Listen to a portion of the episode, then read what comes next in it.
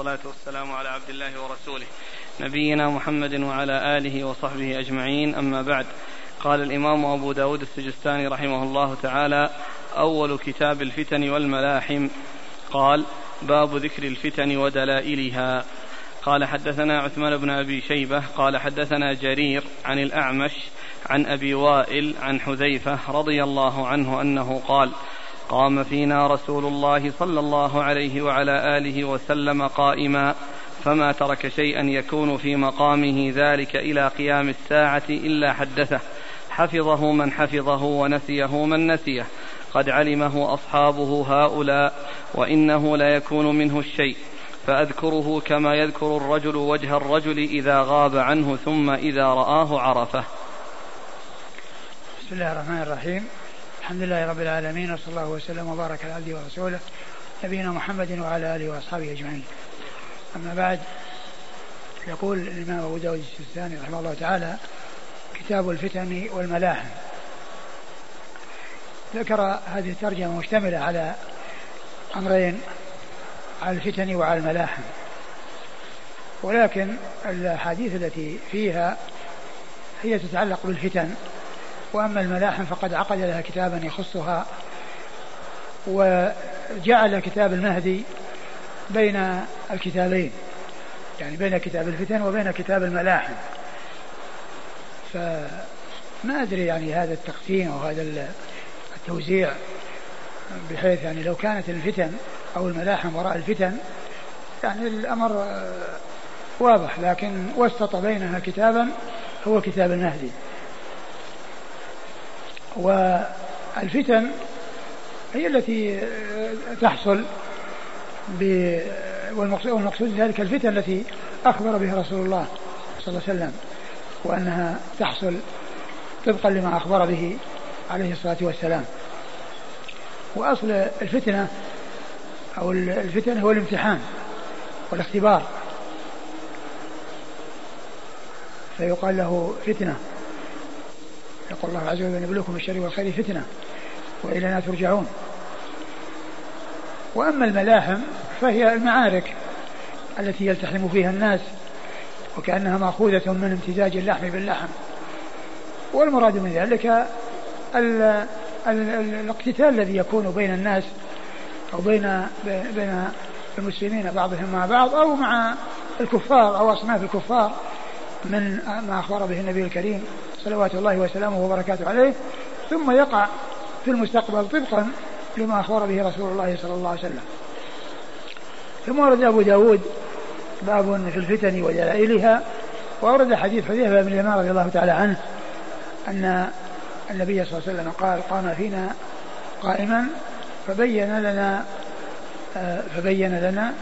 فما ترك شيئا يكون في مقامه ذلك إلى قيام الساعة إلا حدثه. فما ترك شيئا فما ترك في, في, في مقامه ذلك شيئا يكون إلى قيام الساعة إلا حدثه أي حدث به أصحابه. يعني من من من الفتن والأمور المستقبلة. والمقصود من ذلك أن أخبر بها في ذلك الموقف. أخبر أنه كذا ويكون كذا ويكون كذا ويكون كذا. ذكرها صلوات الله وسلامه وبركاته عليه. وهذا من علم الغيب الذي أطلعه الله عز وجل عليه. والله تعالى هو المتفرد في علم الغيب. لا يعلم الغيوب على الإطلاق إلا الله سبحانه وتعالى. وغيره لا يعلم من الغيب إلا ما أطلعه عليه. لا يعلم من الغيب إلا ما أطلعه عليه. والنبي صلى الله عليه وسلم أطلعه الله على كثير من الغيوب. وأخفى عليه ما أخفى عليه. ولكن لم يطلعه على كل شيء. وإنما أطلعه على ما شاء من الغيب. كما قال عز وجل عالم الغيب فلا يظهر على غيبه أحدا إلا ما يرتضى من الرسول فإنه يسلم بين يديه ومن خلفه رصدا وعلى هذا فالنبي صلى الله عليه وسلم لا يعلم الغيب على الإطلاق. وإنما الذي يعلم الغيب على الإطلاق الله وحده سبحانه وتعالى. لا أحد يشاركه في ذلك كما قال الله عز وجل قل لا يعلم من في السماوات والأرض الغيب إلا الله. والنبي صلى الله عليه وسلم يعلم من الغيب ما أطلعه الله عليه وما لم يطلعه عليه فإنه لا يعلمه. وسواء كان ذلك في الأمور المستقبلة أو الأمور التي كانت موجودة في زمانه صلى الله عليه وسلم.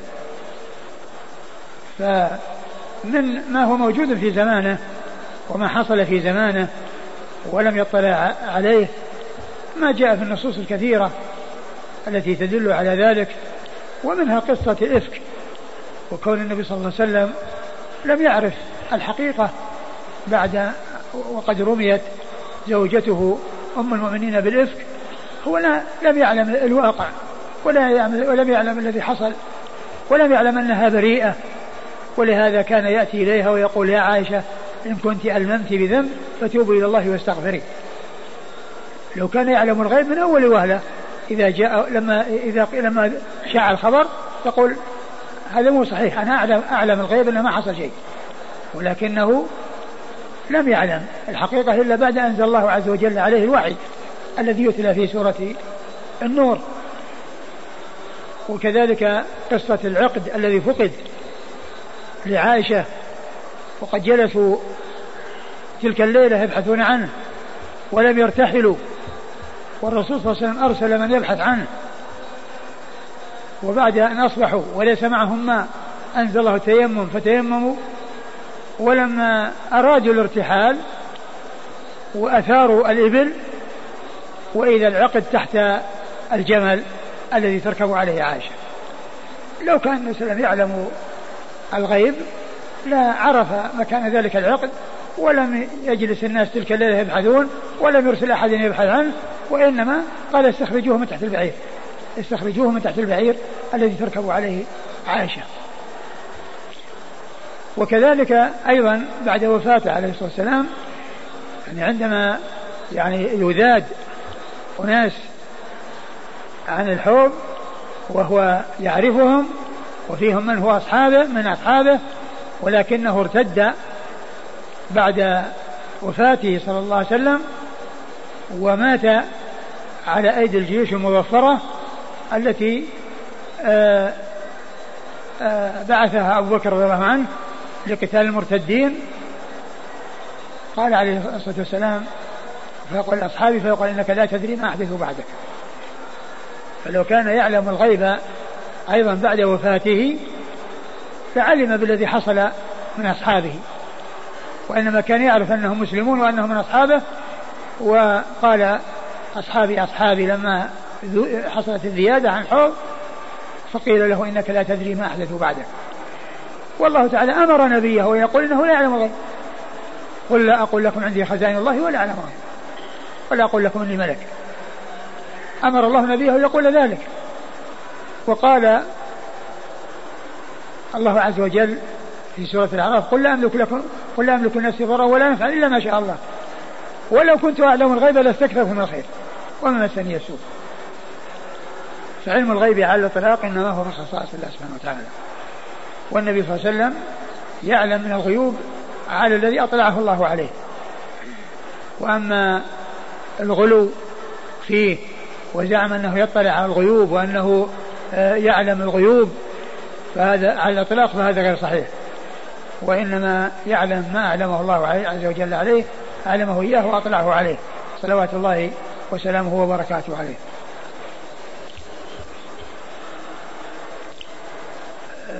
قال في الحديث؟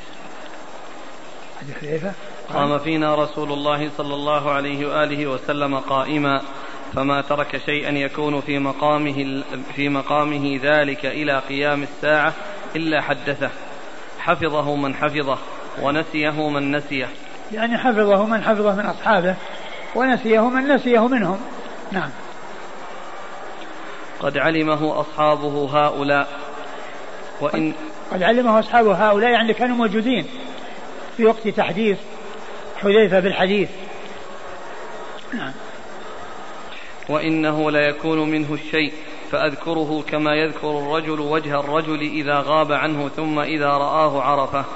وإنه ليكون منه الشيء. فيذكره في فيحصل ذكره عند وقوعه.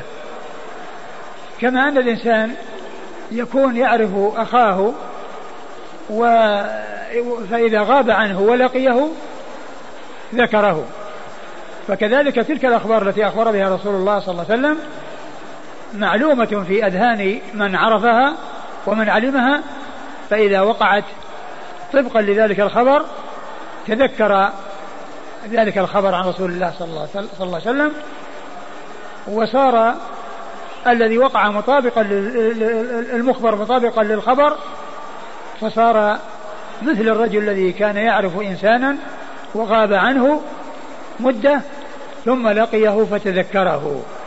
فكذلك الإنسان الذي سمع بتلك الفتن وبتلك الأخبار التي أخبر بها رسول الله صلى الله عليه وسلم ثم تقع طبقا لما أخبر به عليه الصلاة والسلام فيتذكر الإنسان الحديث ويقع في باله الحديث الذي هذا آه تحقيقه وهذا وهذه حقيقته أي وقوعه طبقا لما أخبر به صلوات الله وسلامه وبركاته عليه نعم قال حدثنا عثمان بن أبي شيبة عثمان بن أبي شيبة آه ثقة أخرجه أصحاب الكتب الستة إلى الترمذي وإلا النسائي فأخرج له في عمل يوم الليلة. عن جرير عن جرير بن عبد الحميد الضبي الكوفي ثقة أخرج له أصحاب الكتب الستة. عن الأعمش. عن الأعمش سليمان بن مهران الكاهلي الكوفي ثقة أخرج له أصحاب الكتب الستة. عن أبي وائل. عن أبي وائل هو شقيق بن سلمة وهو ثقة أخرج له أصحاب الكتب الستة. وهو مخضرم الذين أدركوا الجاهلية والإسلام ولم يلقوا النبي صلى الله عليه وسلم. نعم. عن حذيفة. عن حذيفة بن اليمان رضي الله تعالى عنهما وهو صحابي من صحابي وحديثه أخرجه أصحاب كتب الستة. قال حدثنا هارون بن عبد الله قال حدثنا أبو داود الحفري عن بدر بن عثمان عن عامر عن رجل عن عبد الله رضي الله عنه عن النبي صلى الله عليه وآله وسلم أنه قال يكون في هذه الأمة أربع فتن في آخرها الفناء. ثم ورد أبو داود حديث عبد الله بن مسعود رضي الله تعالى عنه قد يكون في هذه الأمة أربع فتن آخرها الفناء. الفناء الموت. و وهذا الحديث ذكر فيه هذه الفتن وهي مجملة. والإسناد فيه, فيه ضعف. أو هو ضعيف لأن فيه رجل مبهم لم يذكر. لأنه قال عن رجل. والرجل مبهم. إذا قيل عن رجل فهو مبهم. وإذا ذكر اسمه ولم يذكر اسم أبيه أو اسمه هو اسم أبيه ولكنه آه، آه، آه، محتمل لعدة أشخاص فيقال له مهمل يعني غير موضح النسبة بحيث يحصل الاشتراك في ذلك إما في الاسم وإما في اسم الأبي وإما في اسم الأب مع الاسم فيكون من قبيل المهمل وأما هذا فهو مبهم لأنه غير معروف إذا قال رجل وامرأة. نعم.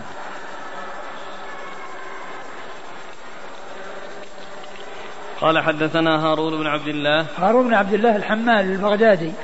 لقبه الحمال وهو آه، آه، ثقة أخرجه مسلم وأصحاب السنن. عن أبي داود الحفري. عن أبي داود الحفري وهو عمر بن سعد وهو ثقة أخرجه مسلم وأصحاب السنن. ثقة أخرجه مسلم وأصحاب السنن. عن بدر بن عثمان. والحفري هذه نسبة إلى محلة في الكوفة. محلة في الكوفة فيقال له الحفري نسبة إلى محلة بالكوفة يقال لها الحفر. نعم. عن بدر بن عثمان. عن بدر بن عثمان وهو ثقة أخرج له مسلم وأبو داود والنسائي وابن ماجه في التفسير. ثقة أخرج له مسلم وأبو داود والنسائي وابن ماجه في التفسير. عن عامر. عن عامر وهو الشعبي. ثقة أخرج له أصحاب كتب الستة. عن رجل عن عبد الله. عن رجل وهو مبهم. عن عبد الله بن مسعود الثقفي صاحب رسول الله صلى الله عليه وسلم وهو أحد فقهاء الصحابة وحديثه أخرجه أصحاب الكتب الستة.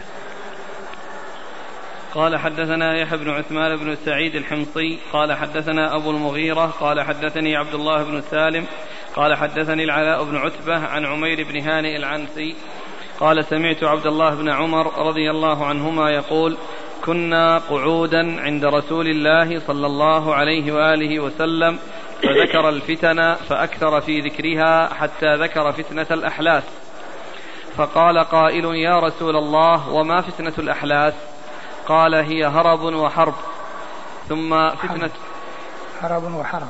هي هرب وحرب.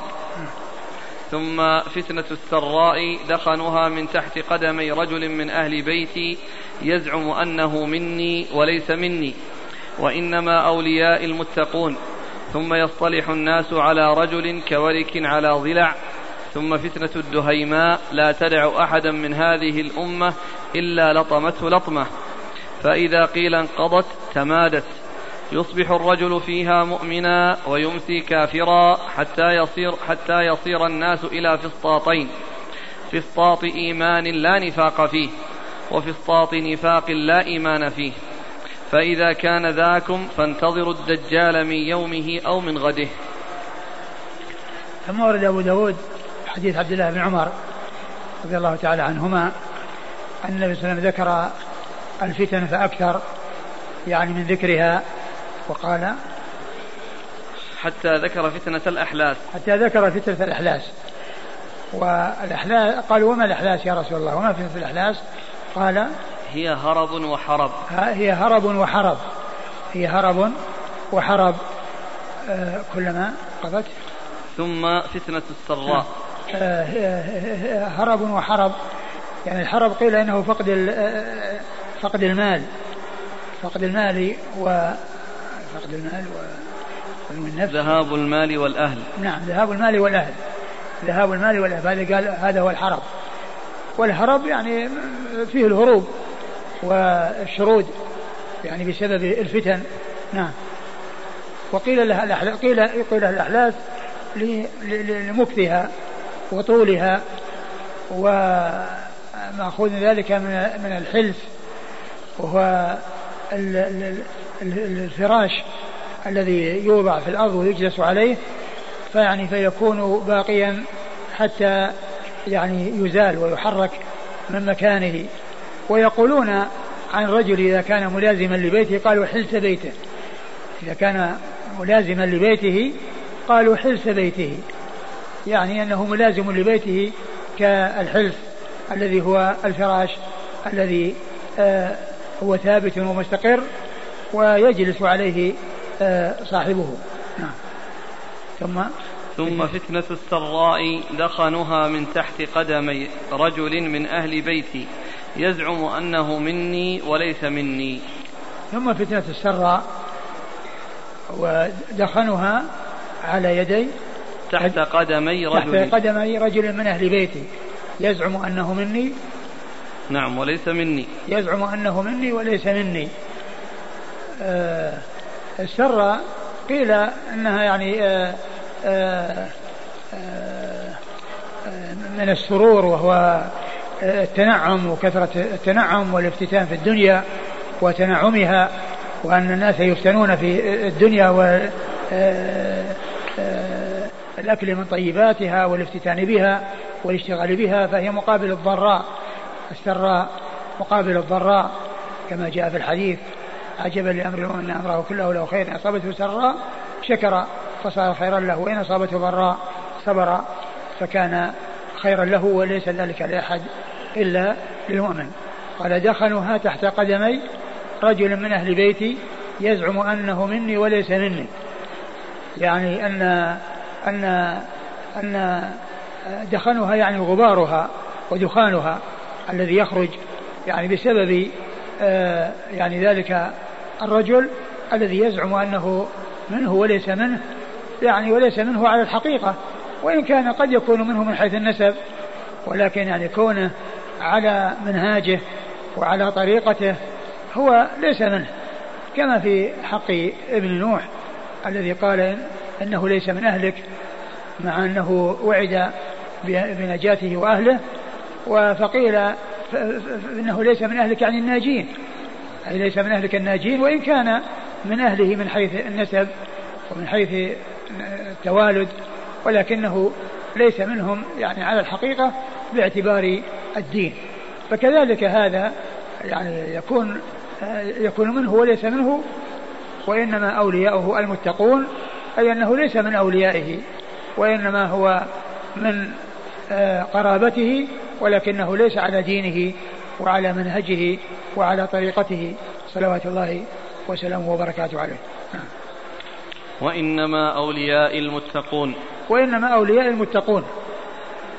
وإنما أولياء المتقون. هؤلاء هم أولياء الرسول صلى الله عليه وسلم. الذين هم على طريقته وعلى منهجه. كما قال عليه الصلاة والسلام كل أمتي يدخلون الجنة إلا من أبى.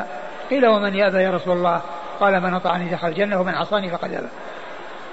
من أطعني دخل الجنة ومن عصاني فقد أبى فأولياؤه هم المتقون.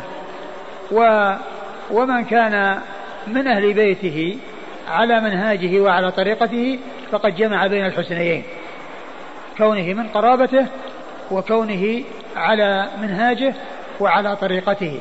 وأما إن كان من أهل بيته ولكنه ليس على طريقته أو ليس من من أهل دينه فإن ذلك لا ينفعه عند الله عز وجل.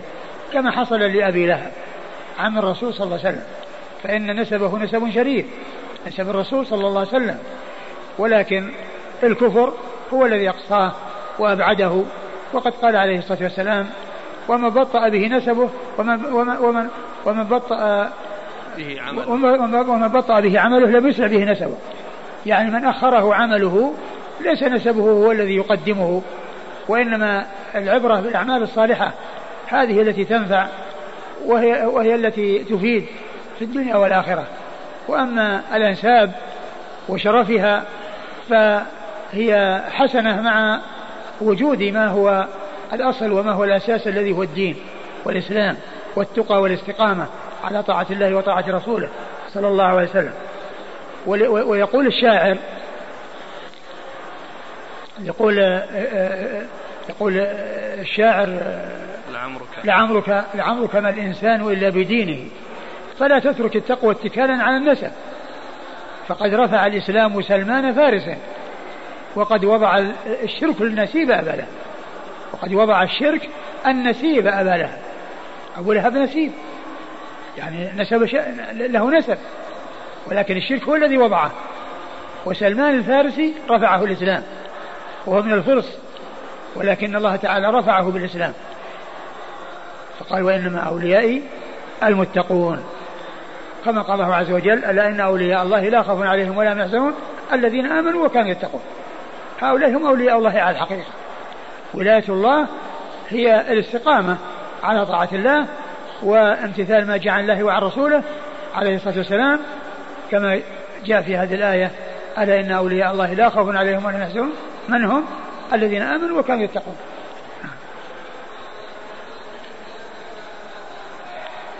ثم يصطلح الناس على رجل كورك على ضلع. ثم يصطلح, يصطلح الناس على رجل كورك على ضلع. يعني أنه لا يثبت. يعني ليس له ثبات وليس له استقامة. وذلك أن أن الضلع آآ آآ لا يحمل الورك. والورك هو تحت الضلع. الورك هو تحته. ولكن الإشارة إلى عدم الثبوت وعدم الاستقرار وأن ذلك يعني آه، آه، لا يتم ولا يحصل كما أن الورك لا يحمله الضلع. وإن كان بينهما تقارب والورك تحت والضلع فوق. وحتى لو كان بالعكس وأن الضلع يكون فوقها الورك فإنه لا يحمله لضعفه أي لضعف آه، آه، آه، الضلع ويعني ضخامة الورك بالنسبة له. نعم. ثم فتنة الدهيماء لا تدع أحدا من هذه الأمة إلا لطمته لطمة. ثم فتنة الدهيماء لا تدع أحدا من هذه الأمة إلا لطمته لطمة يعني أصيب بها وحصل له منها نصيب. يعني هذه الفتنة.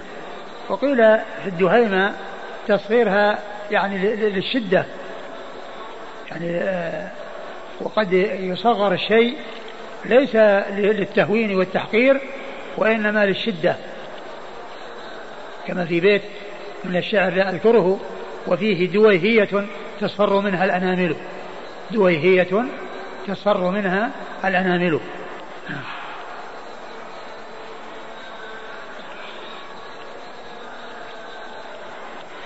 لا تدع أحدا من هذه الأمة إلا لطمته لطمة. يعني يصاب يعني, يعني حصل يعني حصل له نصيب منها. فإذا قيل انقضت تمادت. فإذا قيل انقضت تمادت. يعني معناها أنها تدوم وتستمر وكلما قيل انقضت تمادت. يعني آه، زادت في الاستمرار وبقي يعني تلك الفتنة واستمرت وطالت. نعم. يصبح الرجل فيها مؤمنا ويمسي كافرا. لكثرة الفتن وأن الإنسان يعني يصبح وهو مؤمن ثم يأتي في المساء وهو كافر والعياذ بالله. أو يمسي وهو مؤمن ثم يصبح وهو كافر. يعني معناه أنه يحصل الافتتان وأنها يحصل تغير الأحوال فيكون الإنسان على الإسلام. وبعد فترة وجيزة يتحول منه إلى الكفر والعياذ بالله. حتى يصير الناس إلى فسطاطين. حتى يصير الناس إلى فسطاطين يعني جماعتين. فسطاط إيمان لا نفاق فيه. فسطاط إيمان لا نفاق فيه يعني خالص ليس معه نفاق وإنما هو يعني ظاهر وباطن. خلاف النفاق فإنه إيمان باطن إيمان ظاهر إيمان آه إيمان آه آه ظاهر وكفر باطن. إذا لقوا الذين آمنوا قالوا آمنا وإذا خلوا إلى شياطين قالوا إن معكم إنما نحن مستهزئون. فالمنافق يظهر الإيمان ويبطن الكفر. وسبب ذلك قوة الإسلام وعزة الإسلام. لأنه لخبثه ولحقده يعني يريد أن يعيش مع الناس ويظهر لهم ما يريدون ويخفي الشيء الذي أخفاه وهو الكفر بالله. نعم وفسطاط؟ وفسطاط نفاق لا إيمان فيه. وفسطاط نفاق لا إيمان فيه يعني نفاقا خالص. يعني إما آه، كفر ظاهر أو إيمان ظاهر. ما فيه يعني آه، ظاهر وباطن. كفر ظاهر وإيمان ظاهر. كفر ظاهر وإيمان ظاهر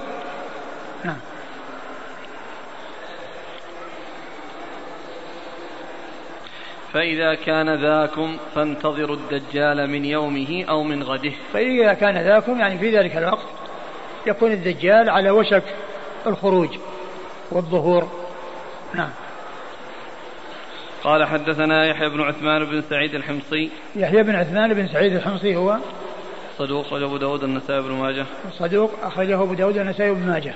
عن أبي المغيرة. عن أبي المغيرة وعبد القدوس بن الحجاج وهو ثقة أخرج له أصحاب الكتب الستة.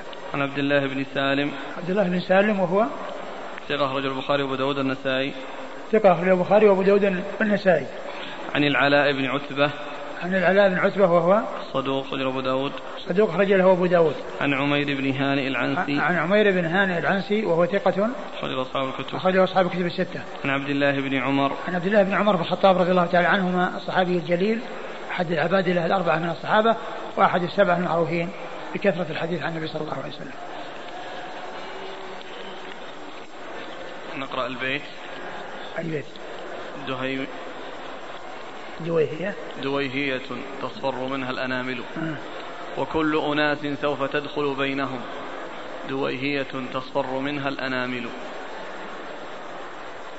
هكذا. وكل أناس سوف تدخل بينهم. دويهية تصفر منها الأنامل.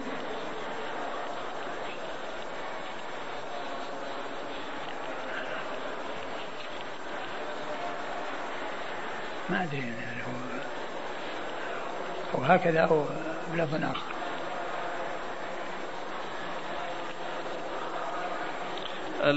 جاءت أسئلة هل هذه الفتن وقعت أو بعضها؟ الأحلاس أو فتنة السراء أو فتنة الدهيماء. اقرأ الحديث.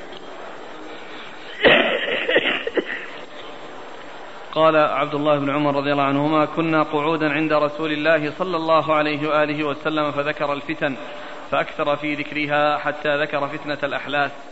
فقال قائل يا رسول الله وما فتنة الأحلاس؟ قال هي هرب وحرب.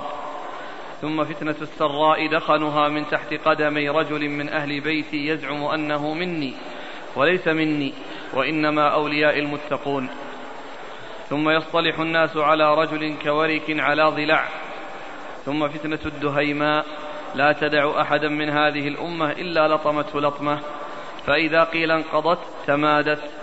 يصبح الرجل فيها مؤمنا ويمسي كافرا حتى يصير الناس إلى فسطاطين. فسطاط إيمان لا نفاق فيه وفسطاط نفاق لا إيمان فيه. فإذا كان ذاكم فانتظروا الدجال من يومه أو من غده. أقول لا أدري عن عن وقوعها لكن بعضها يعني لا ندري هل هو المقصود يعني كونه يحصل فتن يكون فيها هروب ويكون فيها يعني فقد الأهل والمال يعني هذا يحصل لكن هل هي يعني هو الذي عناه الرسول صلى الله عليه وسلم أو أنها يعني فتنة آآ آآ تكون في آخر الزمان الله تعالى أعلم.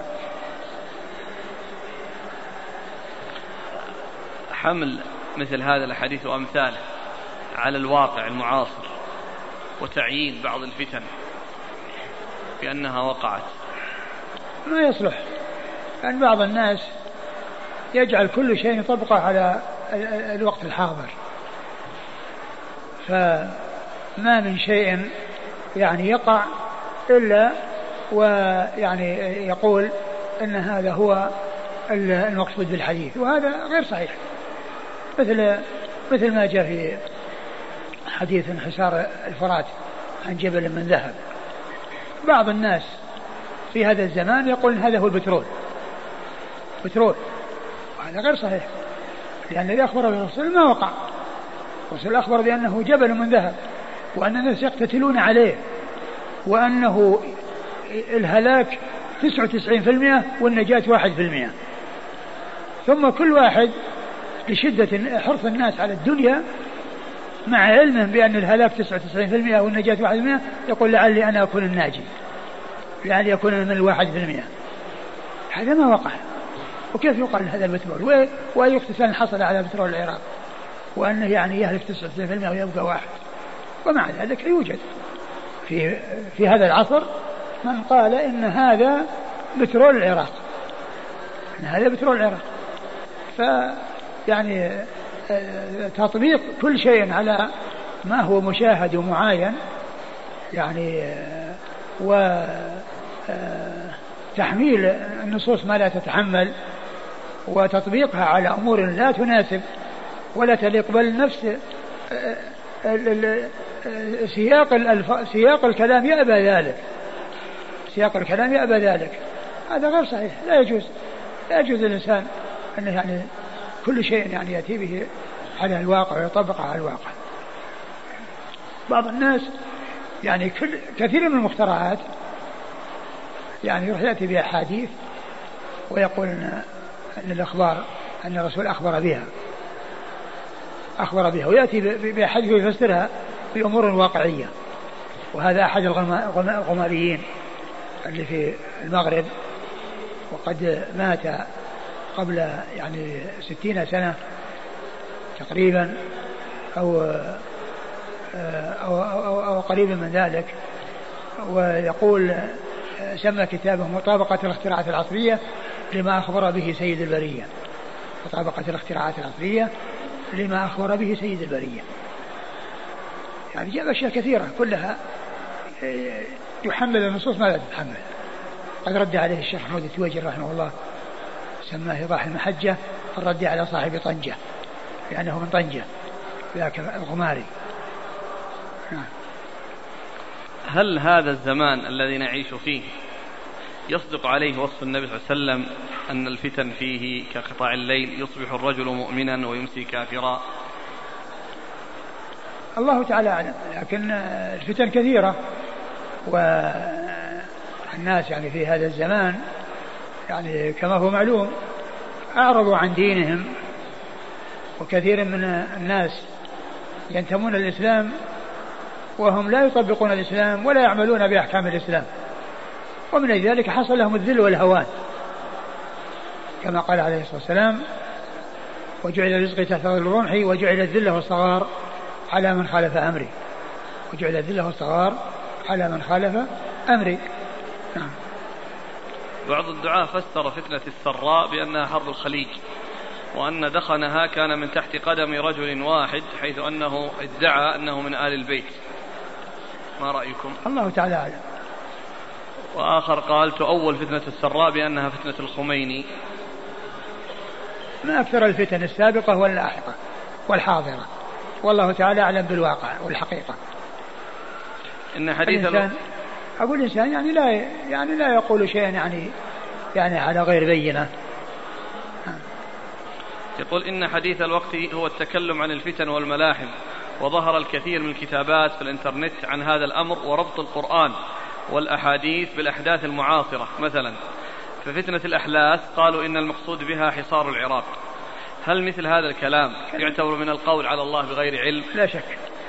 أقول لا شك هذا أقول هذا أقول هذا كله يعني كأنه ما فيه في الزمان أو في الأزمان إلا هذا الزمان.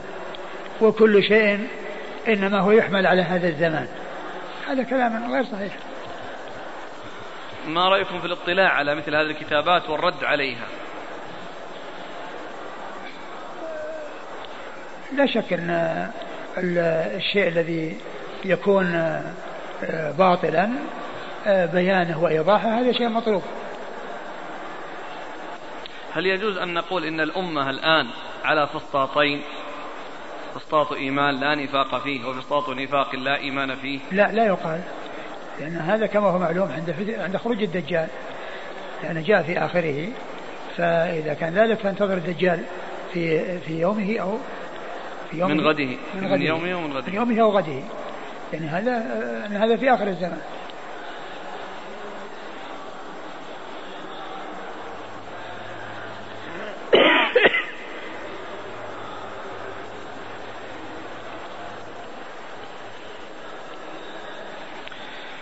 قال حدثنا محمد بن يحيى بن فارس قال حدثنا ابن أبي مريم قال أخبرنا ابن فروخ قال أخبرني أسامة بن زيد قال أخبرني ابن لقبيصة بن ذؤيب عن أبيه رضي الله عنه أنه قال قال حذيفة بن اليمان رضي الله عنهما والله ما أدري أنسي أصحابي أم تناسوا والله ما ترك رسول الله صلى الله عليه وآله وسلم من قائد فتنة إلى أن تنقضي إلى أن تنقضي الدنيا يبلغ من معه ثلاثمائة فصاعدا إلا قد سماه لنا باسمه واسم أبيه واسم قبيلته.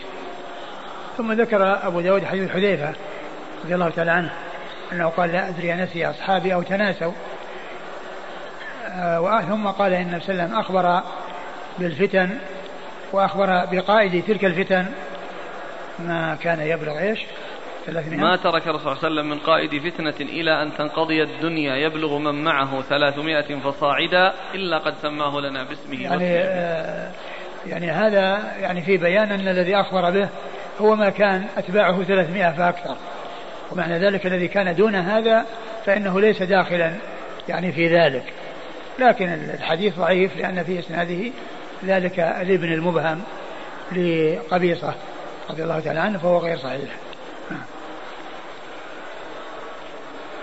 قال حدثنا محمد بن يحيى بن فارس. محمد بن يحيى بن فارس الذهلي ثقة أخرجه البخاري وأصحاب السنن. عن ابن أبي مريم. ابن أبي مريم سعيد بن الحكم وهو ثقة أخرجه أصحاب الكتب. ثقة أخرجه أصحاب الكتب الستة. عن ابن فروخ. عن ابن فروخ وعبد الله بن فروخ وهو صدوق يغلط أخرجه أبو داود. صدوق يغلط أخرجه أبو داود. عن أسامة بن زيد. عن أسامة بن زيد الليثي وهو صدوق يهم. صدوق يهم أخرجه البخاري في جزء قراءة. تعليقا. نعم. أخرج البخاري تعليقا. البخاري تعليقا ومسلم وأصحاب السنة. عن ابن لقبيصة بن ذؤيب. أيوه عن قبيصة بن ذؤيب. عن أبيه وهو قبيصة بن ذؤيب صحابي أخرج له. أخرج أصحاب الكتب. أخرج أصحاب الكتب الستة صحابي. إيه له رؤية. له رؤية نعم. أخرج أصحاب الكتب الستة عن حذيفة وقد مر ذكره.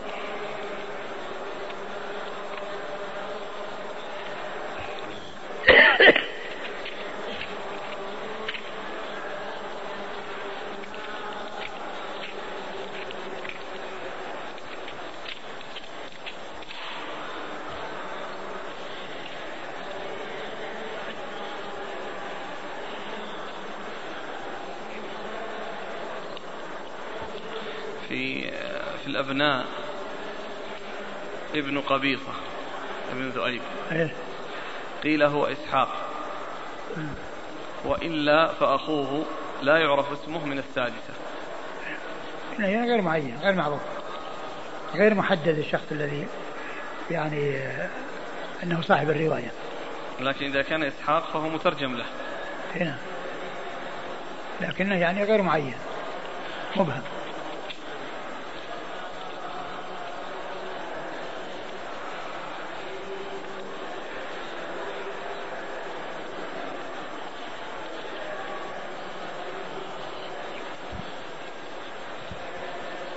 قال حدثنا مسدد قال حدثنا أبو عوانة عن قتادة عن نصر بن عاصم عن سبيع بن خالد قال أتيت الكوفة في زمن فتحت تستر. أجلب من تستر؟ أجلب منها بغالا فدخلت المسجد فإذا صدع من الرجال وإذا رجل جالس تعرف إذا رأيته أنه من رجال أهل الحجاز. قال قلت من هذا؟ فتجهمني القوم. وقالوا أما تعرف هذا؟ هذا حذيفة بن اليمان رضي الله عنهما صاحب رسول الله صلى الله عليه وآله وسلم. فقال حذيفة إن الناس كانوا يسألون رسول الله صلى الله عليه وعلى آله وسلم عن الخير وكنت أسأله عن الشر فأحدقه القوم بأبصارهم. فقال إني قد أرى الذي تنكرون. إني قلت يا رسول الله أرأيت هذا الخير الذي أرأيت هذا الخير الذي أعطانا الله؟ أيكون بعده شر كما كان قبله؟ قال نعم. قلت فما العصمة من ذلك؟ قال السيف. قلت يا رسول الله ثم ماذا يكون؟ قال إن كان لله خليفة في الأرض فضرب ظهرك وأخذ مالك فأطعه وإلا فمت عاض بجذل شجرة. قلت ثم ماذا؟ قال ثم يخرج الدجال. معه نهر ونار فمن وقع في ناره وجب أجره وحط وزره ومن وقع في نهره وجب وزره وحط أجره. قال قلت ثم ماذا؟ قال ثم هي قيام الساعة. ثم ورد أبو داود حديث حذيفة بن اليمان رضي الله عنه من هو الشخص الذي قدم الكوفة؟ سبيع بن خالد. سبيع بن خالد. قال قدمت الكوفة فأتيت مسجدها وإذا فيها صدع من الناس وبينهم رجل آه يعني أنه من أهل يعني يظهر منه أنه من أهل الحجاز. فقلت من هذا؟ فتجهم الناس. يعني استغربوا. يعني كونه يسأل قالوا هذا حذيفة ابن اليمان يعني صاحب رسول الله صلى الله عليه وسلم. وفي هذا يعني آه، آه، قيام الصحابة رضي الله عنهم وأرضاهم بنشر العلم وبيان السنن. ومعلوم أنهم رضي الله عنهم وأرضاهم من المدينة. يعني خرجوا من المدينة وانتشروا في الآفاق لنشر السنن وبيان الأحكام الشرعية ولم يبقوا في المدينة. بقي من بقي وخرج من خرج والذين خرجوا هم الكثيرون. قد تفرقوا في الآفاق. يعني في الشام ومصر والعراق واليمن وأماكن مختلفة. كل ذلك لبيان سنن الرسول صلى الله عليه وسلم. وهذا يدل على آه، قيامهم بنشر السنن وحرصهم على تلقيها عن رسول الله صلى الله عليه وسلم ثم حرصهم على آه، إبلاغها للناس وإيصالها إلى الناس وليعملوا بها وليستقيموا على ما جاء عن الله وعن رسوله صلوات الله وسلامه وبركاته عليه. ثم إن يعني كون آه، آه، أولئك آه، في, الذي حصل في الحديث ما يتعلق بحذيفة الاحتفاء بأصحاب الرسول صلى الله عليه وسلم والحرص على الاستفادة منهم وكونهم يستغربون عن من يسأل عن يعني ذلك الرجل هو من أصحاب الرسول صلى الله عليه وسلم يدلنا على علو منزلة الصحابة في قلوب التابعين واحتفائهم بهم. وحرصهم على التلقي منهم والأخذ عنهم رضي الله تعالى عنهم وأرضاهم. إيش قال؟ قال أتيت الكوفة في زمن فتحت تستر. تستر مدينة من من المدن التي في الجهة الشرقية. فتحت سنة عشرين في أيام عمر. في, في زمن عمر. أجلب منها بغالا فدخلت المسجد فإذا صدع من الرجال. يعني كان جماعة من الرجال.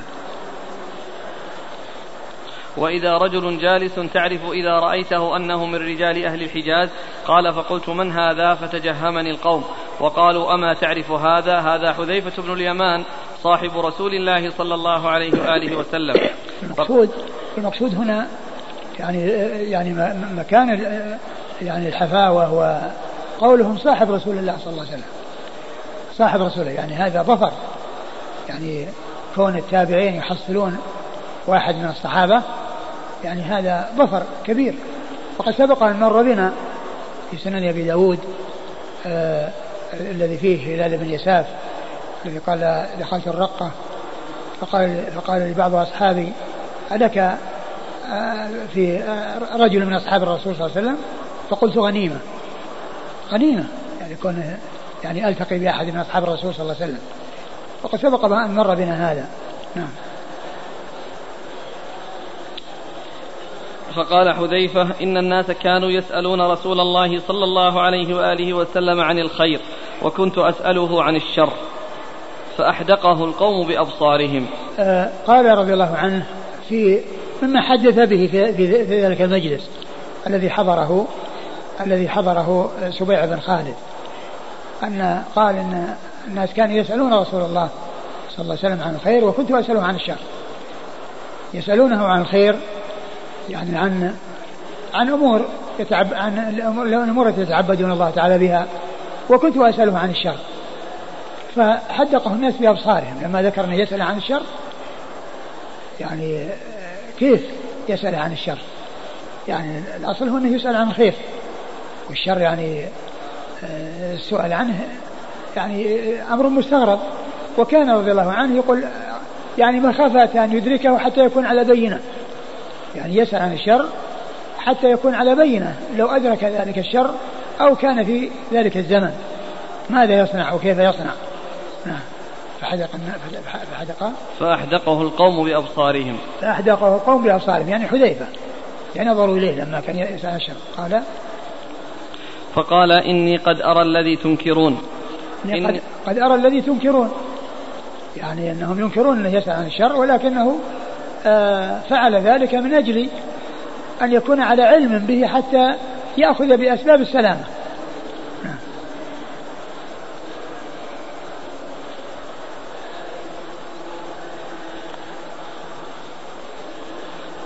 إني قلت يا رسول الله أرأيت هذا الخير الذي أعطانا الله؟ أيكون بعده شر كما كان قبله؟ قال نعم. قال أني قلت يا رسول الله أرأيت هذا الخير الذي أعطانا الله إياه وهو بعثة الرسول صلى الله عليه وسلم ودخول الناس في هذا الدين وخروجهم من الظلمات إلى النور. هل يكون بعده شر كما كان؟ لأن قبل ذلك كان فيه جاهلية. والله عز وجل أرسل رسوله بالهدى وأخرج الله تعالى به الناس من الظلمات إلى النور. فهذا خير وكان الناس على شر. هذا الخير هل يكون بعده شر؟ نعم. قال؟ قال نعم. قلت فما العصمة من ذلك؟ قال السيف. قال آه قال آه هل يكون بعده خير؟ قال نعم. بعده بعده خير بعده شر بعده شر. شر؟ قال نعم. قال فما العصمة من ذلك؟ يعني ما الذي يقي من ذلك؟ وما هي سبيل الخلاص من ذلك؟ يعني قال السيف. والمقصود من ذلك يعني آه قتال من يستحق القتال ليقضى على فتنه وعلى شره ويخلص الناس مما خرج به من الشر ومما ظهر به من الشر. نعم. السيف يعني قتال. قتل. وهو يعني, يعني إما قتال وإما قتل. إما قتال لمن يقاتل أو قتل لمن يستحق القتل ممن يكون مرتدا أو يعني آه، صاحب شر يستحق القتل للتخلص من شره ومن فتنته. قال قلت يا رسول الله ثم ماذا يكون؟ قال إن كان لله خليفة في الأرض فضرب ظهرك وأخذ مالك فأطعه وإلا فمت عاض بجذل شجرة. قال ثم ماذا؟ قال إذا كان لله خليفة وضرب ظهرك وأخذ مالك فأطعه لا تخرج عن الجماعة. ولو حصل لك ما حصل من الضرر بل عليك أن تصبر وأن تحتسب. والجماعة وملازمتها أمر مطلوب. ولو حصل للإنسان الضرر فإنه لا يفارق الجماعة. ويخرج عنها بسبب ما يحصل له من ضرر أو ما يفوته من مصلحة وإنما عليه أن عليه أن يصبر. ولو أصابه ضرر لأن الجماعة آه، خير. ولو حصل شيء من الظلم ولو حصل شيء من الجور فإن الظلم والجور ضرره نسبي. وأما الفوضى والاختلاف وعدم وجود ولاية فإنه يأكل القوي الضعيف ولا يستقيم للناس أمر ولا يأمنون على أنفسهم ولا على أموالهم ولا أعراضهم وهم دائم دائما يضعون أيديهم على قلوبهم من شدة الخوف والرعب لكون أهل الفساد ليس لهم صاد ولا راد ولهذا جاء عن أمير المؤمنين عثمان بن عفان رضي الله تعالى عنه أنه قال إن الله يزع بالسلطان ما لا يزع بالقرآن. إن الله يزع بالسلطان ما لا يزع بالقرآن. أي أن كثيرا من الناس لا تؤثر فيه القوارع والزواجر في القرآن ولا تحرك به, له به ساكنا ولكنه يخاف من العصا والصوت والأدب والعصا لمن عصى كما يقولون. فقولة أو مقالة أمير المؤمنين عثمان بن عفان رضي الله عنه مقالة عظيمة. إن الله يزع بالسلطان ما لا يزع بالقرآن.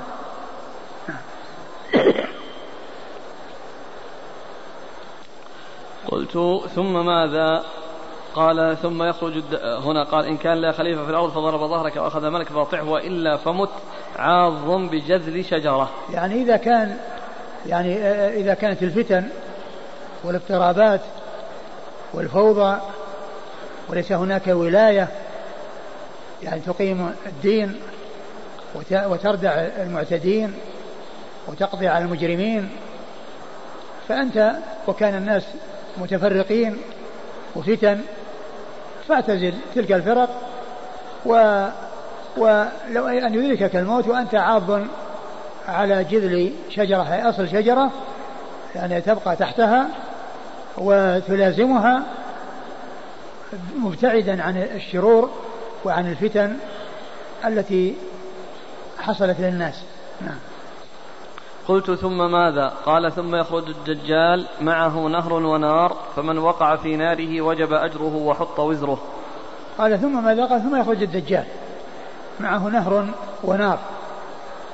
فالذي يأتي الناس بفتن وبلاء فمن أخذ النهر فإنه يحصل الشر ويحصل الوزر ومن أخذ بالنار والتي معه فإن هذا هو الذي يسلم وهو الذي يحصل الأجر, الأجر ويسلم من الوزر. وهذا من جملة أحاديث الدجال المتواترة الثابتة عن رسول الله صلى الله عليه وسلم وأنه يخرج في آخر الزمان ويكون ذلك آه، آه، بعد أو عند أو في وقت نزول عيسى بن مريم. وإذا نزل عيسى بن مريم عليه الصلاة والسلام من السماء فإنه هو الذي يتولى قتل الدجال بنفسه. و فيكون مسيح الهداية عيسى بن مريم عليه الصلاة والسلام يقتل مسيح الضلالة الذي هو الدجال. فعيسى يقال له المسيح والدجال يقال له المسيح ومسيح الهداية عيسى بن مريم عليه الصلاة والسلام يقتل مسيح الضلالة الدجال. نعم. قال ثم يخرج الدجال معه نهر ونار فمن وقع في ناره وجب أجره وحط وزره. ومن وقع في نهره وجب وزره وحط أجره. نعم. قال قلت ثم ماذا؟ قال ثم هي قيام الساعة. يعني بعد ذلك قيام الساعة وانتهاء الدنيا نعم. قال حدثنا مسدد مسدد بن مسرهد البصري ثقة أخرجه البخاري وأبو داود والترمذي والنسائي عن أبي عوانة أبي عوانة الوضاح بن عبد الله اليشكري ثقة أخرج له أصحاب الكتب الستة. عن قتادة. قتادة بن دعامة السدوسي البصري ثقة أخرج له أصحاب الكتب الستة. عن نصر بن عاصم. عن نصر بن عاصم وهو ثقة البخاري في رفع اليدين ومسلم وداود والنسائي بن ماجه. ثقة أخرج البخاري في رفع اليدين ومسلم وأبو داود والنسائي بن ماجه. عن سبيع بن خالد. عن سبيع بن خالد وهو مقبول أخرجه أبو داود. مقبول أخرج له أبو داود. عن حذيفة.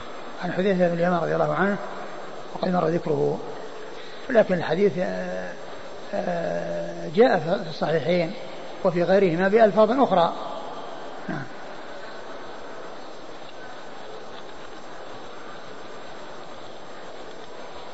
هنا جاءت عبارة يسأل عنها الإخوان. إن كان لله خليفة إن كان لله خليفة في الأرض. القول بأن خليفة الله في الأرض عن الإنسان أو عن نعم إن كان لله خليفة يعني المقصود به خليفة من الله وليس خليفة عن الله. لأن هل يقال الإنسان خليفة الله؟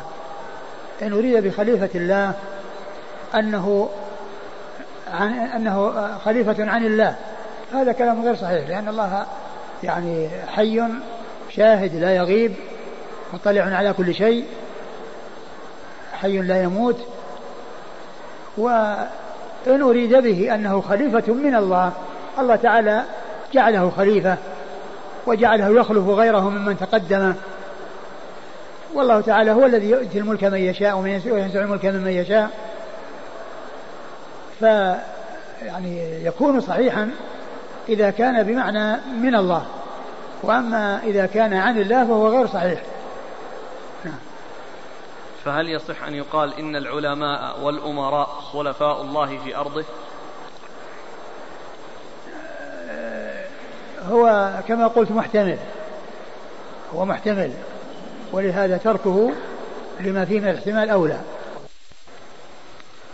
قال حدثنا محمد بن يحيى بن فارس قال حدثنا عبد الرزاق عن معمر عن قتادة عن نصر بن عاصم عن خالد بن خالد اليشكري بهذا الحديث قال قلت بعد السيف قال بقية على أقذاء على أقذاء وهدنة على دخن. بعد السيف؟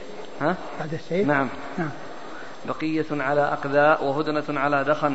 ثم ساق الحديث. قال وكان قتادة يضعه على الردة التي في زمن أبي بكر رضي الله عنه على أقذاء يقول قذى.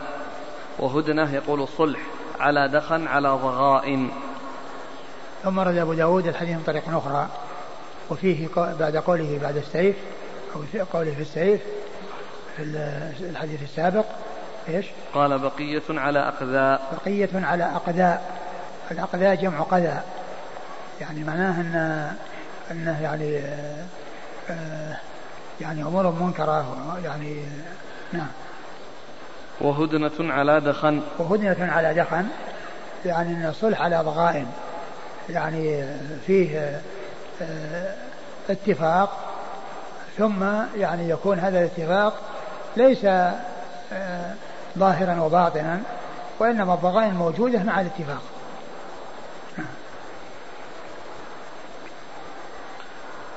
ثم ساق الحديث قال وكان قتادة يضعه على الردة التي في زمن أبي بكر.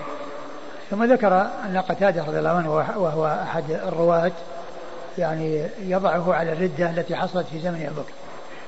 يعني وقتال وقتاله المرتدين. يقول قذا يقول على أقذاء يقول قذا وهدنة يقول صلح على دخن على ضغائن. نعم هذا تفسير. نعم. قال حدثنا محمد بن يحيى بن فارس. محمد بن يحيى بن فارس ثقة مر ذكره. عن عبد الرزاق الرزاق بن همام الصنعاني اليماني ثقة أخرج له أصحاب الكتب الستة عن معمر معمر بن راشد الأزدي البصري ثم اليماني ثقة أخرج له أصحاب الكتب الستة. عن قتادة. قتادة مر ذكره. عن نصر بن عاصم عن خالد بن خالد اليشكري. عن نصر بن عاصم مر ذكره وخالد قيل هو سبيع بن خالد الذي مر ذكره. بهذا الحديث. نعم. بهذا الحديث الذي مر. قال حدثنا عبد الله بن مسلمة القعنبي قال حدثنا سليمان يعني بن المغيرة عن حميد عن نصر بن عاصم الليثي قال أتانا اليشكري في رهط من بني ليث فقال من القوم؟ قلنا بنو ليث. أتيناك نسألك عن حديث حذيفة رضي الله عنه فذكر الحديث قال قلت يا رسول الله هل بعد هذا الخير شر؟ قال فتنة وشر. قال قلت يا رسول الله هل بعد هذا الشر خير؟ قال يا حذيفة تعلم كتاب الله واتبع ما فيه. ثلاث مرار قال قلت يا رسول الله هل بعد هذا الشر خير؟ قال هدنة على دخن وجماعة على أقذاء فيها أو فيهم. قلت يا رسول الله الهدنة على الدخن ما هي؟ قال لا ترجع قلوب أقوام على الذي كانت عليه. قال قلت يا رسول الله أبعد هذا الخير شر؟ قال فتنة عمياء صم فتنة عمياء صماء عليها دعاة على أبواب النار. فإن تمت يا حذيفة وأنت عاض على جذل خير لك من أن تتبع أحدا منهم. ثم ورد أبو داود حديث حذيفة من طريق أخرى وفيه يعني الزيادات قال قال نصر بن عاصم الليثي أتينا اليشكري في رهط من بني ليث. فقال من القوم؟ قلنا بنو ليث. أتيناك نسألك عن حديث حذيفة فذكر الحديث. قال قلت يا رسول الله هل بعد هذا الخير شر؟ قال فتنة وشر. قال هذا الخير يعني الذي كانوا عليه. قال فتنة وشر. نعم. قال قلت يا رسول الله هل بعد هذا الشر خير؟ قال يا حذيفة تعلم كتاب الله واتبع ما فيه ثلاث مرار. قال هل بعد هذا الشر خير؟ قال اتبع كتاب الله. يا حذيفة اتبع كتاب الله. تعلم. تعلم كتاب الله واعمل بما فيه. يعني إنه يعرف الحق ويعمل به. فيكون عالما عاملا. فيجمع بين العلم والعمل يعرف الحق ويعمل به. فيكون على على على السلامة وعلى الاستقامة. لأن لأنه لا بد من الجمع بين العلم والعمل. لأن العلم بدون عمل وبال على صاحبه. والعمل بدون علم عمل على جهل وضلال. على جهل وضلال يعني كشأن النصارى الذين هم الضالون. كما قال بعض السلف من فسد من علمائنا ففي شبه من اليهود. لأنهم يعرفون الحق ولا يعملون به. ومن فسد من عبادنا ففي شبه من النصارى لأنهم يعبدون الله على جهل وضلال. نعم. تعلم كتاب الله واعمل به؟ نعم. قال قلت يا رسول الله هل بعد هذا الشر خير؟ قال هدنة على دخن وجماعة على أقذاء فيها أو فيهم. قال هل بعد هذا هذا الشر؟ هل بعد هذا الشر خير؟ هل بعد هذا الشر خير؟ قال قال هدنة على دخن وجماعة على أقداء. هدنة على دخن وجماعة على أقداء. هدنة يعني صلح على دخن يعني على على يعني إحن وأحقاد وضغائن في القلوب. ليس الظاهر متفق مع الباطن بل الباطن شيء والظاهر شيء. وجماعة على أقداء يعني على يعني آآ آآ على يعني شيء كما يكون القذى الذي يكون في العيون بضررها وعدم الاستفادة منها فيكون كذلك يعني هذا يعني هذه الحال. فهو من شبيه بقوله هدنة على دخن وجماعة على أقداء. وهنا قال بقية على أقداء. اللي هم الجماعة. نعم. قلت يا رسول الله الهدنة على الدخن ما هي؟ قال لا ترجع قلوب أقوام على الذي كانت عليه. قال الهدنة على الدخن ما هي؟ قال لا ترجع قلوب أقوام على التي كانت عليه. يعني معناه أنه ليس يعني هذا الاتفاق وهذا الصلح الذي يحصل حتى ترجع القلوب إلى ما هي عليه متصافية وإنما تبقى القلوب فيها ما فيها ولو حصل الاتفاق. قلت يا رسول الله أبعد هذا الخير شر؟ قال فتنة, فتنة عمياء صماء عليها دعاة على أبواب النار. قال هل بعد هذا الخير الذي فيه يعني هدنة على دخن؟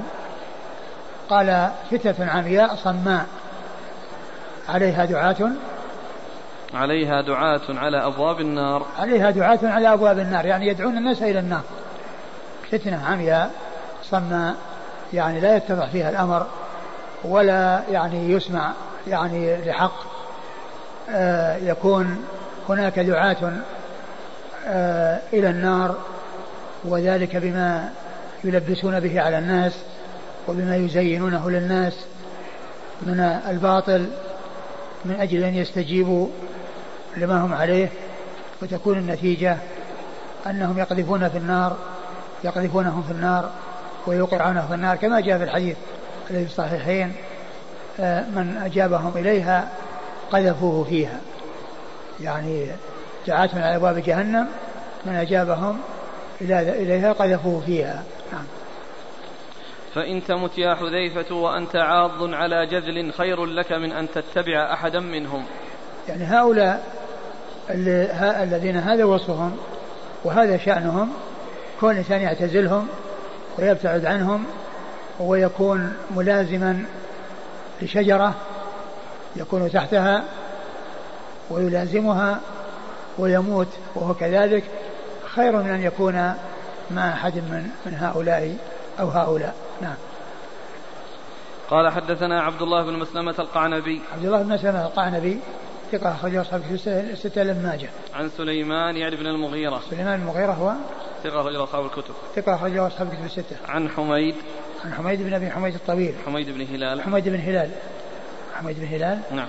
آه. ثقة أخرجه أصحاب الكتب الستة. ثقة أخرجه أصحاب الكتب الستة. عن نصر بن عاصم الليثي قال أتينا ليشكري عن حذيفة. مر ذكرهما. قال حدث مر ذكرهم نعم. نمشي. نعم. قال حدثنا مسدد قال حدثنا عبد الوارث قال حدثنا أبو التياح عن صخر بن بدر العجلي عن سبيع بن خالد بهذا الحديث عن حذيفة رضي الله عنه عن النبي صلى الله عليه وآله وسلم أنه قال فإن لم تجد يومئذ خليفة فاهرب حتى تموت فإن تمت وأنت عاض. وقال في آخره قال قلت فما يكون بعد ذلك؟ قال لو أن رجلا نتج فرسا لم تنتج حتى تقوم الساعة. ثم ذكر هذا هذه الطريق وفيها ما في الذي قبلها إلا أن فيها بيان قرب الساعة عند حصول ذلك الشيء الذي أخبر به الرسول صلى الله عليه وسلم من كثرة الفتن وأمره بالاعتزال ولو أن يموت وهو عاض على أصل شجرة وقال إن الساعة قريبة لو أن إنسانا نتج قال إيش؟ لو أن إنسانا؟ لو أن رجلا نتج فرسا لم تنتج حتى تقوم الساعة. لو أن إنسانا نتج فرسا لم تنتج حتى تقوم الساعة. يعني لو أنه آه يعني أنتج فرسا وولدت لم يحصل لها إنتاج حتى تقوم الساعة. قال حدثنا مسدد عن عبد الوارث. عبد الوارث بن سعيد العنبري ثقة أخرج له أصحاب الكتب الستة. عن أبي التياح. عن أبي التياح وهو يزيد بن حميد الضبعي ثقة أخرج له أصحاب الكتب. يزيد بن حميد بن حميد الضبعي ثقة أخرج له أصحاب الكتب الستة. عن صخر بن بدر العجلي. عن صخر بن بدر العجلي وهو مقبول أخرج له أبو داود مقبول أخرج له أبو داود عن سبيع بن خالد عن حذيفة. مر ذكرهما. جاء بعدين حديث آخر.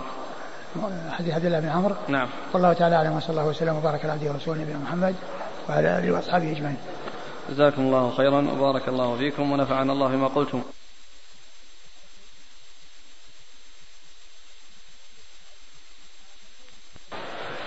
بسم الله الرحمن الرحيم. الحمد لله رب العالمين والصلاة والسلام على عبد الله ورسوله نبينا محمد وعلى آله وصحبه أجمعين. أما بعد قال الإمام أبو داود السجستاني يرحمه الله تعالى كتاب الفتن والملاحم.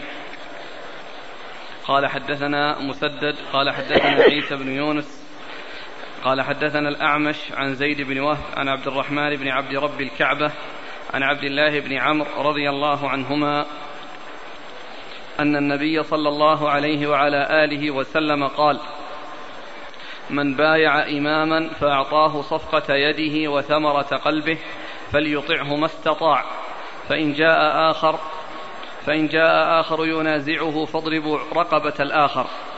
قلت أنت سمعت هذا من رسول الله صلى الله عليه وآله وسلم؟ قال سمعته أذناي ووعاه قلبي. قلت هذا ابن عمك معاوية رضي الله عنه. يأمرنا أن نفعل ونفعل. قال أطعه في طاعة الله وأعصه في معصية الله. بسم الله الرحمن الرحيم. الحمد لله رب العالمين وصلى الله وسلم وبارك على عبده ورسوله. نبينا محمد وعلى آله وأصحابه أجمعين. أما بعد فقد سبق في الدرس الماضي ذكر بعض الأحاديث المتعلقة بالفتن. نعوذ بالله من الفتن. وفي هذا الدرس وبقي و و و وقد مضى منها جملة في الدرس الماضي. وهذا الذي وقفنا عليه حديث عبد الله بن عمرو. بن العاص رضي الله تعالى عنهما أن النبي صلى الله عليه وسلم قال من بايع رجلا فأعطاه صفقة, صفقة يده وثمرة فؤاده فليطعه ما استطاع. ما استطاع فإن جاء أحد ينازعه فاضربوا عنق الآخر. ف ثم قال إن ابن عم آه، ثم استوثق منه وقال أنت سمعته من رسول الله صلى الله عليه وسلم فقال نعم فقال إن ابن عمك معاوية يأمرنا بكذا وكذا فقال أطعه في طاعة الله وأعصه في معصية الله. هذا الحديث آه، أورده أبو داود مختصرا وقد جاء في مسلم مطولا وهو حديث عظيم.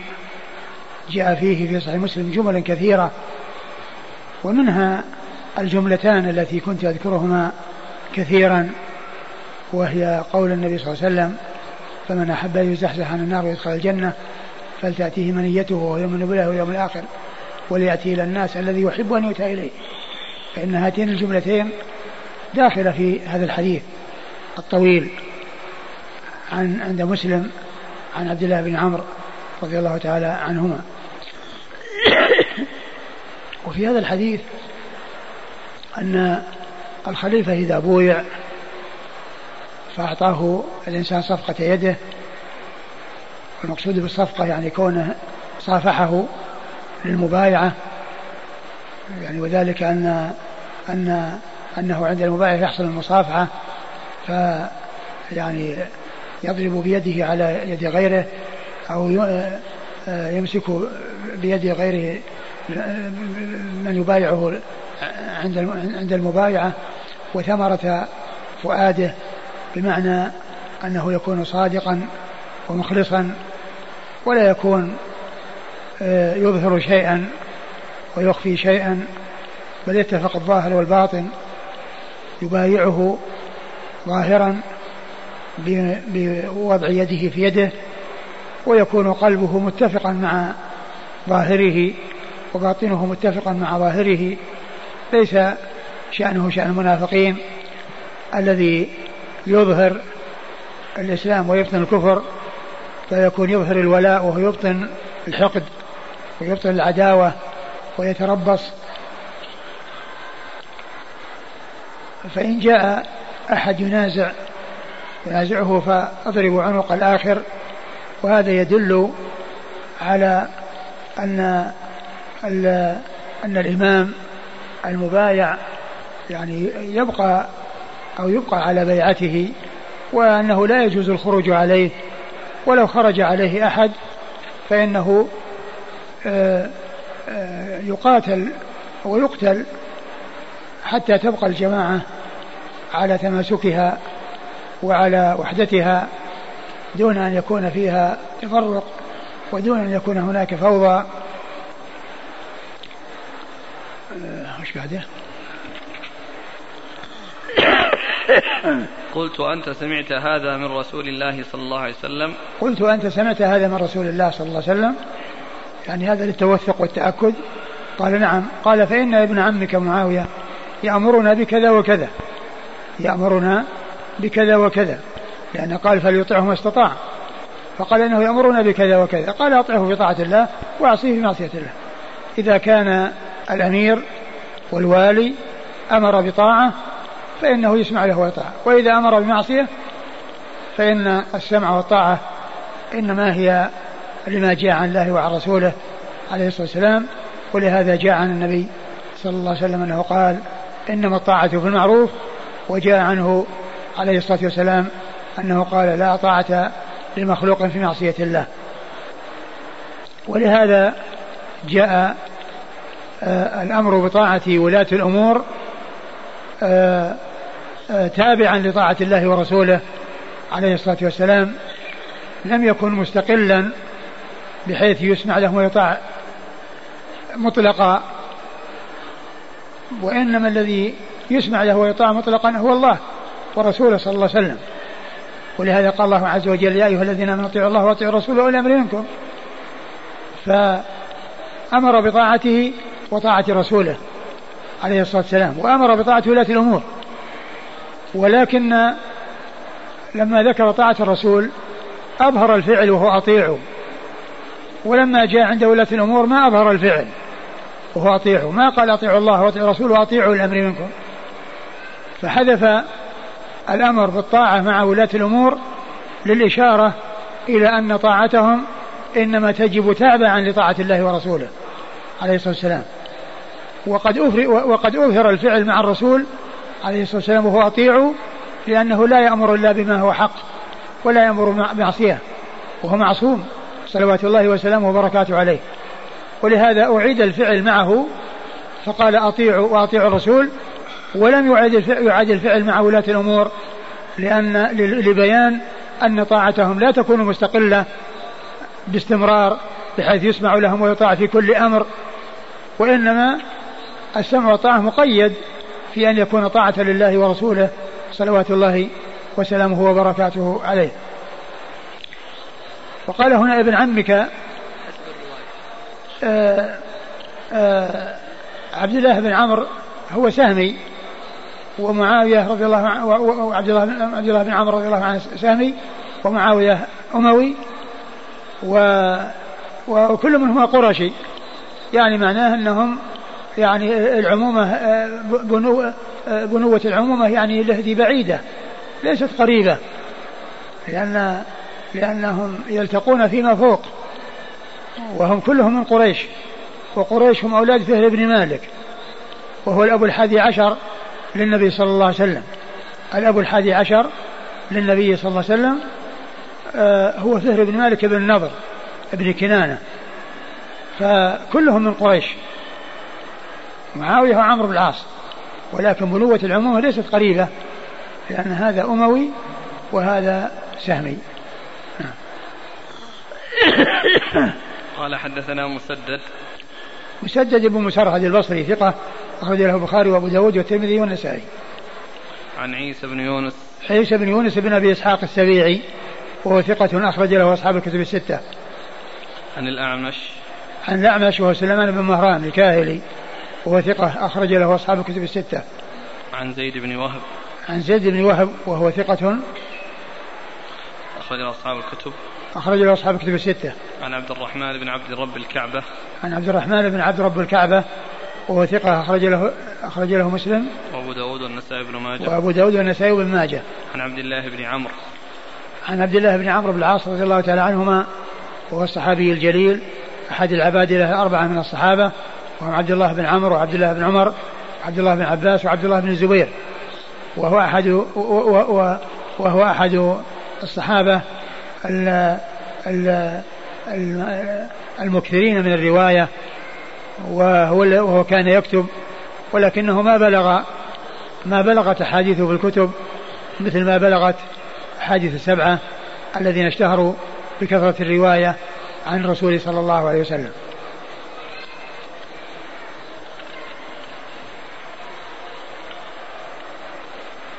يقول السائل ما مناسبة هذا الحديث في كتاب الفتن؟ آه، كأن المناسبة هي يعني آه، فيما يتعلق بالخروج على الولاة لأن هذا من الفتن ومن البلاء الذي يحصل للناس وأن آه، الواجب هو السمع والطاعة وأنه لا يجوز الخروج ولو كانوا جائرين أي الولاة.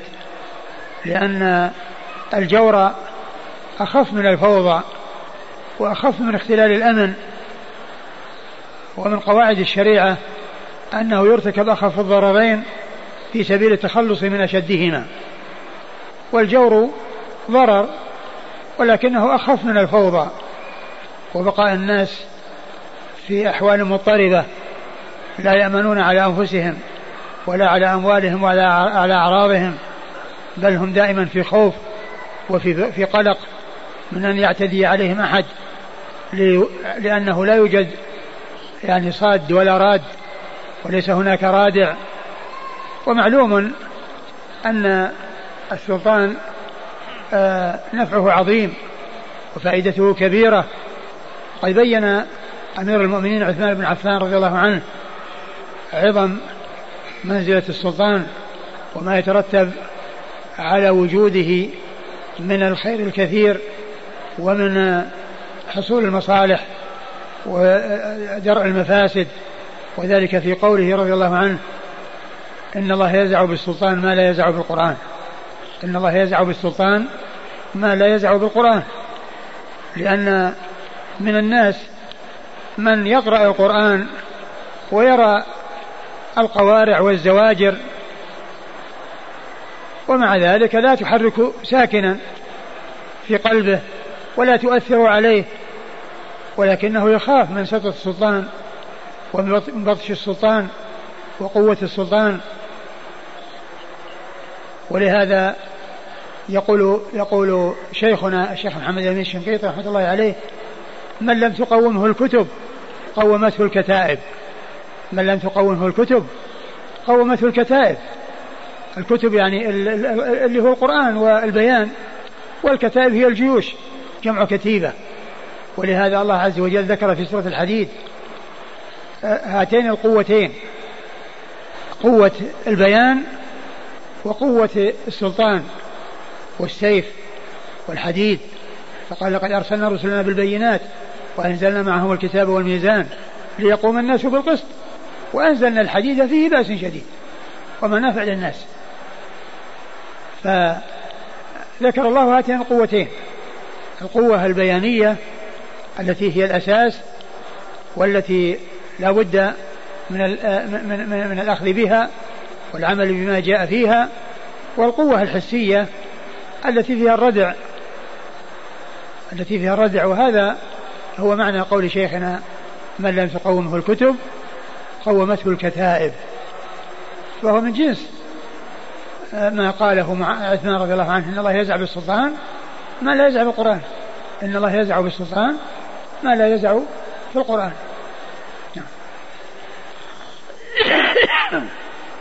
فإذا جاء آخر فينازعه فاضربوا رقبة الآخر. هل يشترط في ضرب رقبة الآخر إذن الخليفة الأول؟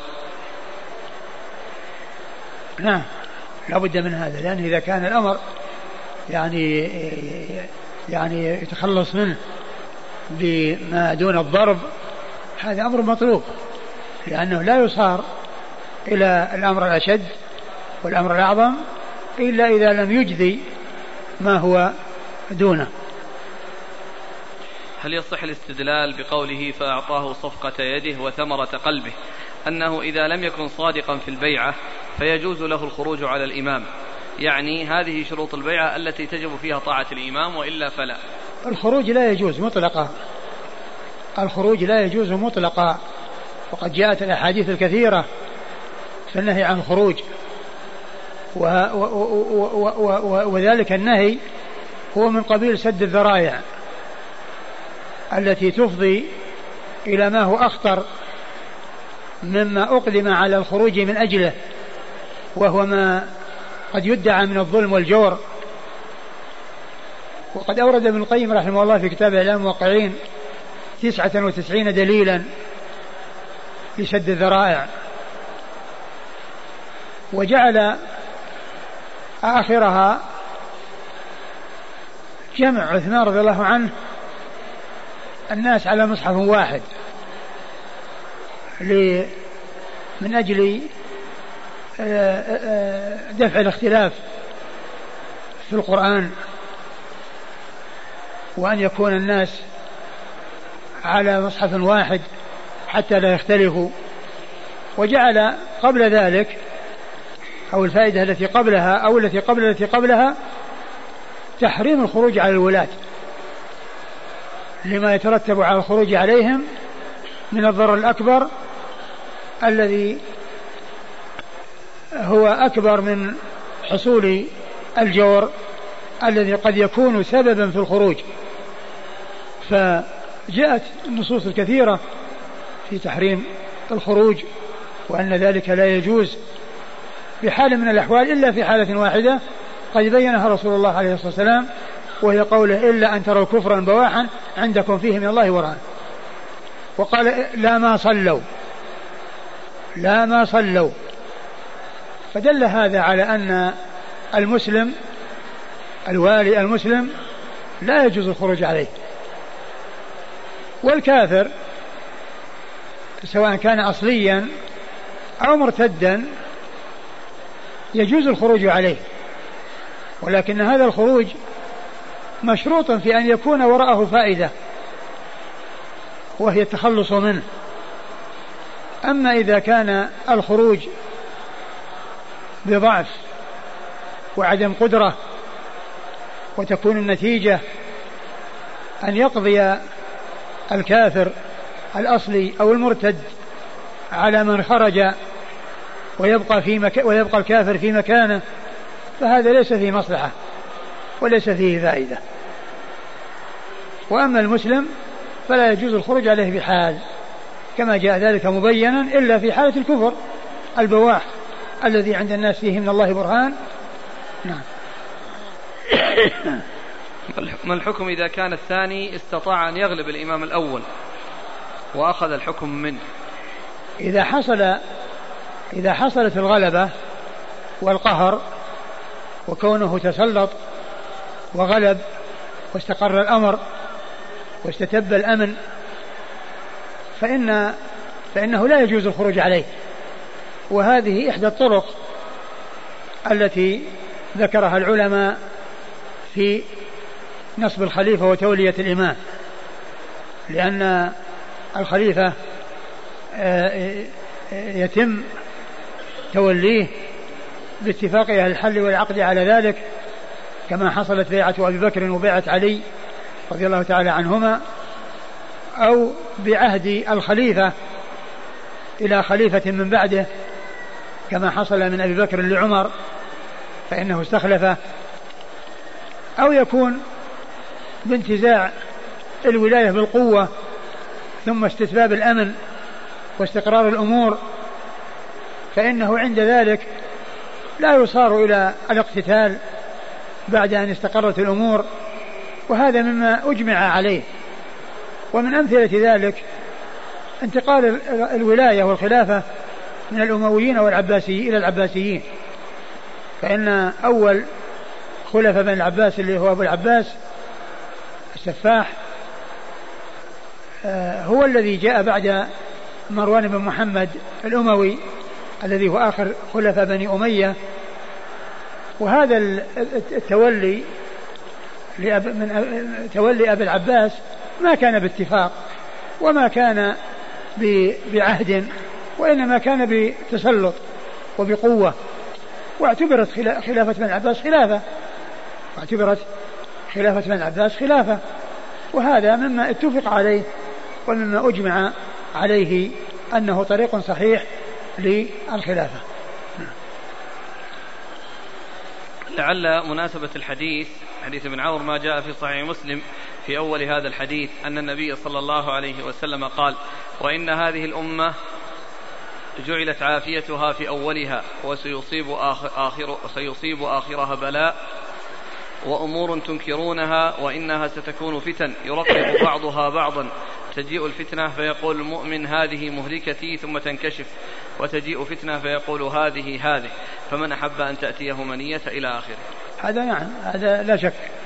لكن الذي أورده أبو داود وهذا المقدار الذي أورده أبو داود آه الذي يناسب منه هو الخروج على الولاة فإن ذلك من الفتن لأنه يصير فيه قتل ويصير فيه يعني أضرار ويصير فيه اختلاف قلوب والأيدي كذلك يحصل بسطها ومدها تبعا للقلوب.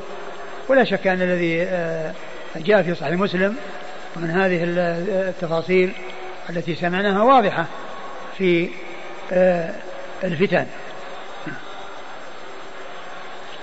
قال حدثنا محمد بن يحيى بن فارس قال حدثنا عبيد الله بن موسى عن شيبان عن الأعمش عن أبي صالح عن أبي هريرة رضي الله عنه عن النبي صلى الله عليه وآله وسلم أنه قال ويل للعرب من شر قد اقترب أفلح من كف يده. ثم ورد أبو داود حديث أبي هريرة. قال ويل للعرب من شر قد اقترب. أفلح من كف يده. ومحل الشاهد هنا أفلح من كف يده.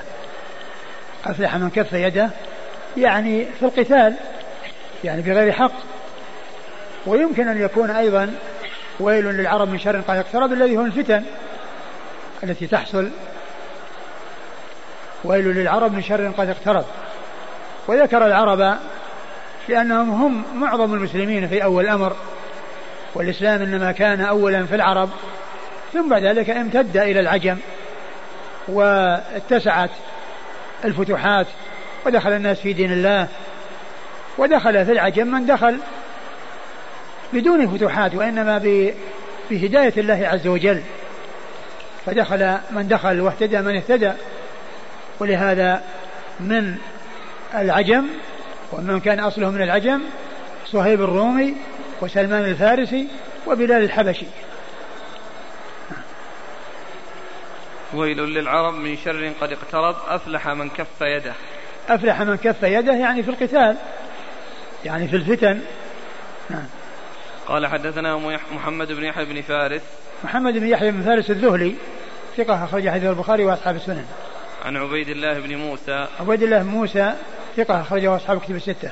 عن شيبان. شيبان بن عبد الرحمن وهو ثقة أخرجه أصحاب كتب الستة.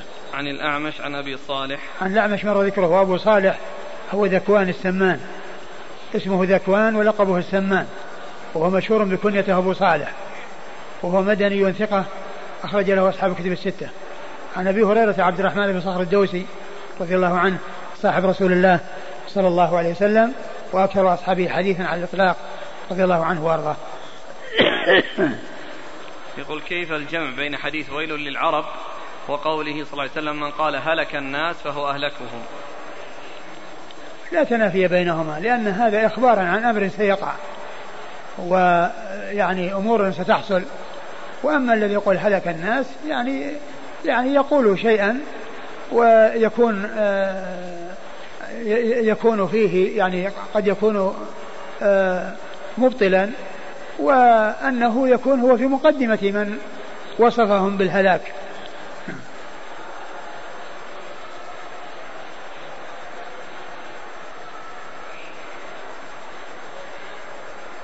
قال حدثنا قال أبو داود حدثت عن ابن وهب قال حدثنا جرير بن حازم عن عبيد الله بن عمر عن نافع عن ابن عمر رضي الله عنهما أنه قال قال رسول الله صلى الله عليه وآله وسلم يوشك المسلمون أن يحاصروا إلى المدينة حتى يكون أبعد مسالحهم سلاح.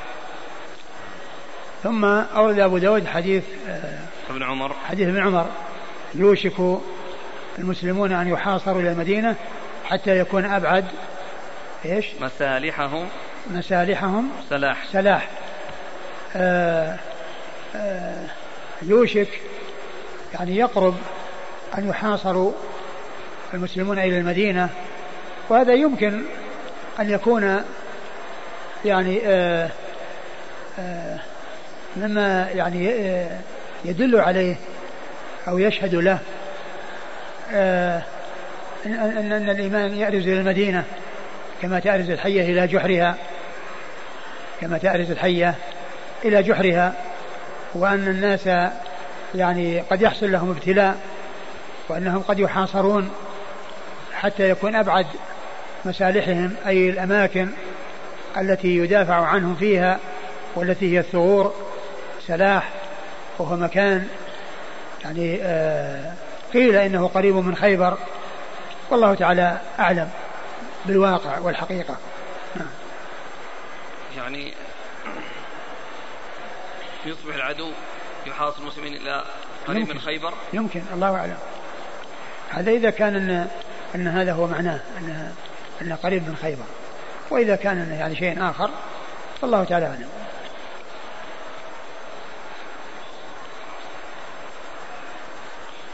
الحديث يأرز الإيمان للمدينة. هل فيه يعني أن الدولة الإسلامية أو المسلمون ينضمون فقط إلى هذا المكان أو معناته يعني قوة الإيمان وقوة لا هو فيه قوة الإيمان وفيه يعني أيضا آه، كون الناس يعني آه، يأتون إلى المدينة من أجل فضلها ومن أجل السلامة من الفتن ومن الشرور التي تحصل في مختلف الأقطار.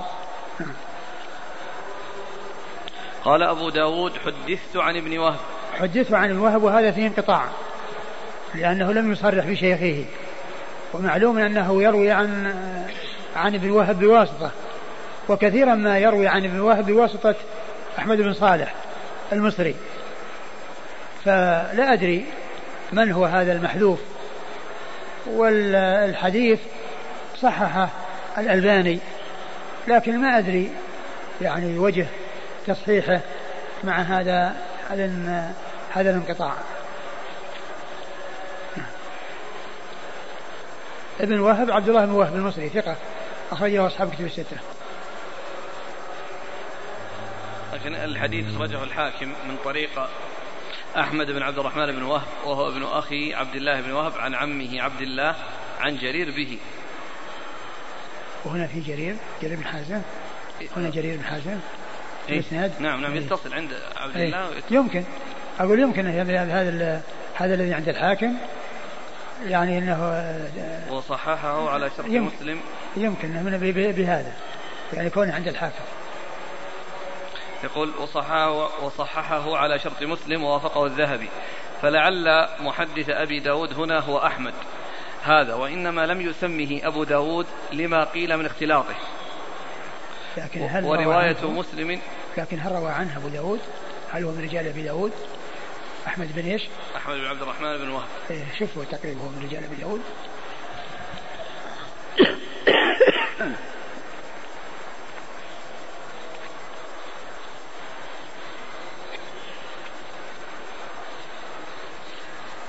لا.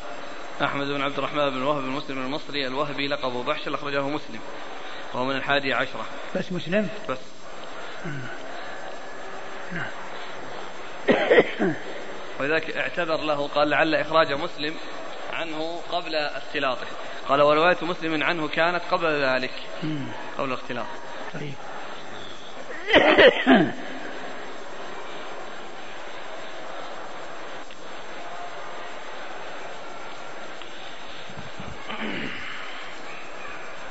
عن ابن وهب نعم عن عن جرير بن حازم جرير بن حازم وهو ثقة أخرج له أصحاب كتب الستة. عن عبيد الله بن عمر عن عبيد الله بن عمر وهو العمري ثقة أخرج له أصحاب كتب الستة. عن نافع بن عمر ثقة أخرج له أصحاب كتب الستة. عن عبد الله بن عمر وقد مر ذكره.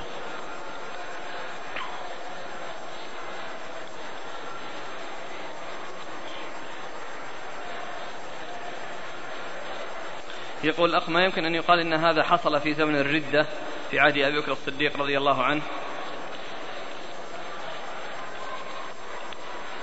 ما ما هو أقول ما هو ظاهر.